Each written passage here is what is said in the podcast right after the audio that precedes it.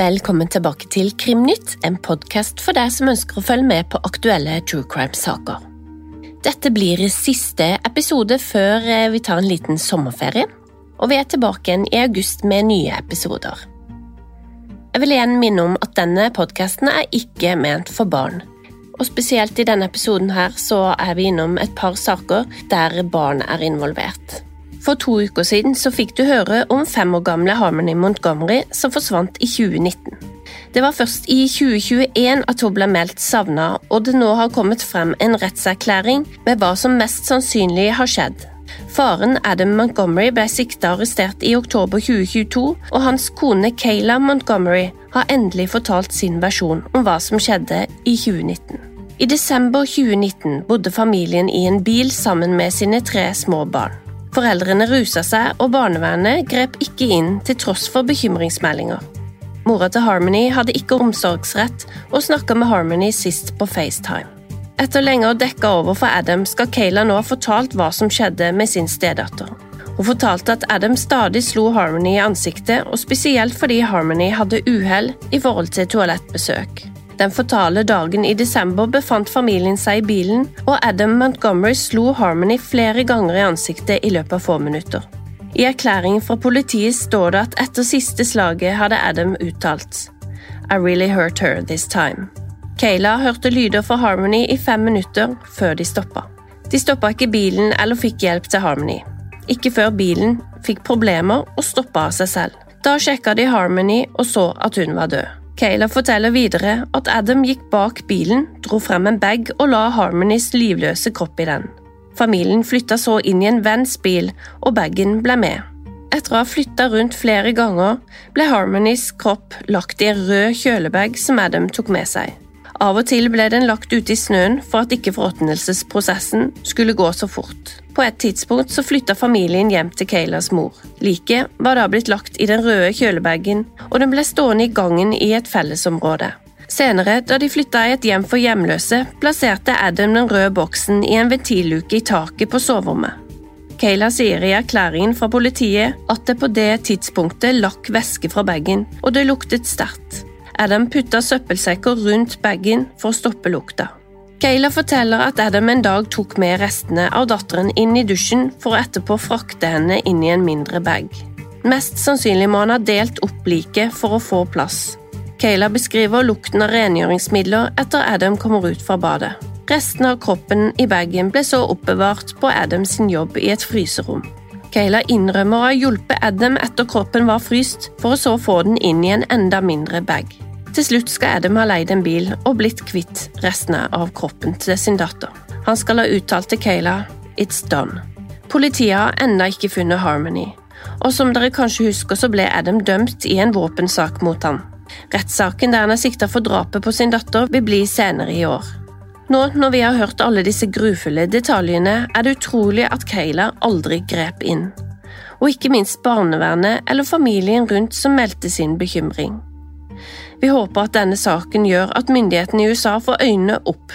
Slike familier skal ikke ha barn boende hos seg.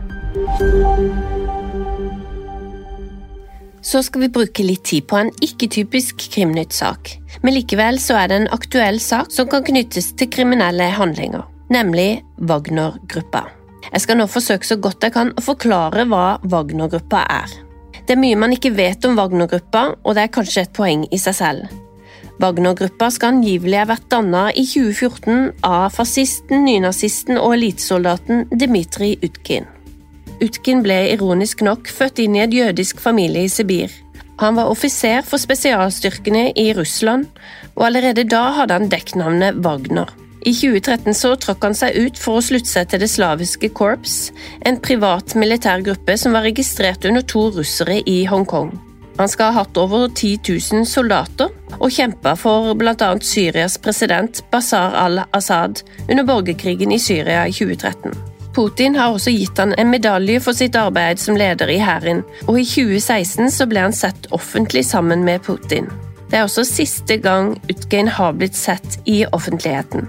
For å mobilisere slike styrker så var Utgin avhengig av økonomisk hjelp, og det er her Yevgenij Prigozjin kommer inn i bildet. Han starta som kriminell, og etter å ha sona åtte år i fengsel gikk han fra å selge pølser til å ha et cateringfirma som supplerte hæren og skoler i Moskva rundt på 2000-tallet. Han knytta også kontakter med viktige politiske profiler og fikk kallenavnet Putins kokk.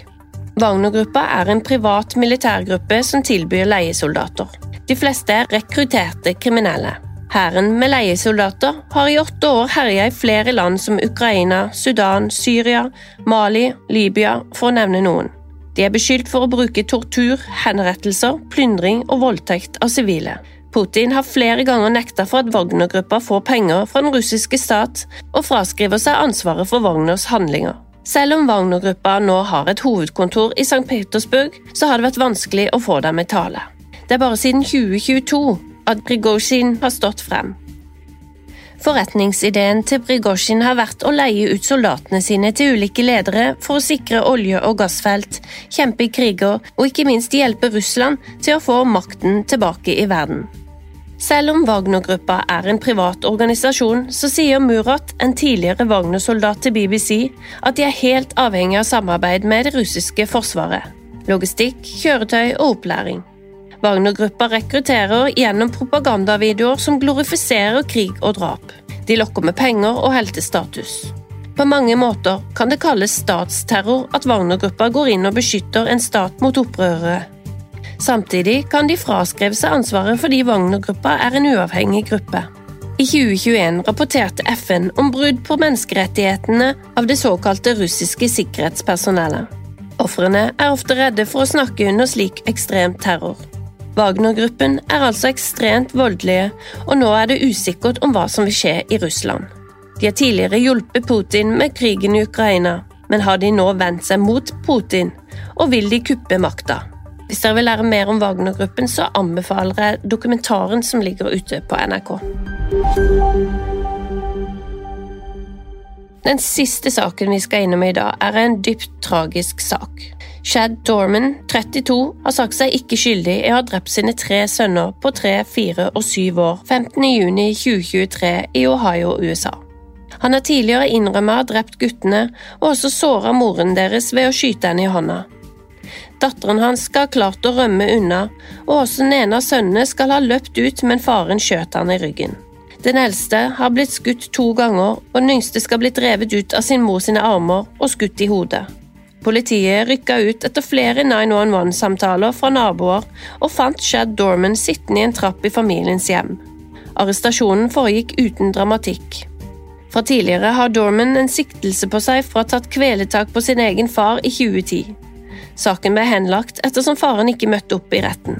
Shad Dorman kan få dødsstraff, og neste høring er satt til 25. juli i år. Det var alt vi hadde i denne uka. Jeg beklager hvis jeg uttaler noen av navnene feil. Jeg gjør så godt jeg kan. Vi tar nå en liten sommerferie, og vi høres igjen i august.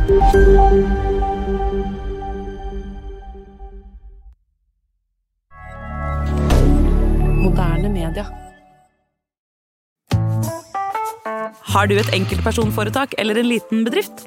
Da er du sikkert lei av å høre meg snakke om hvor enkelt det er å sende faktura med fiken. Så vi gir oss her, fordi vi liker enkelt. Fiken superenkelt regnskap. Prøv gratis på fiken.no.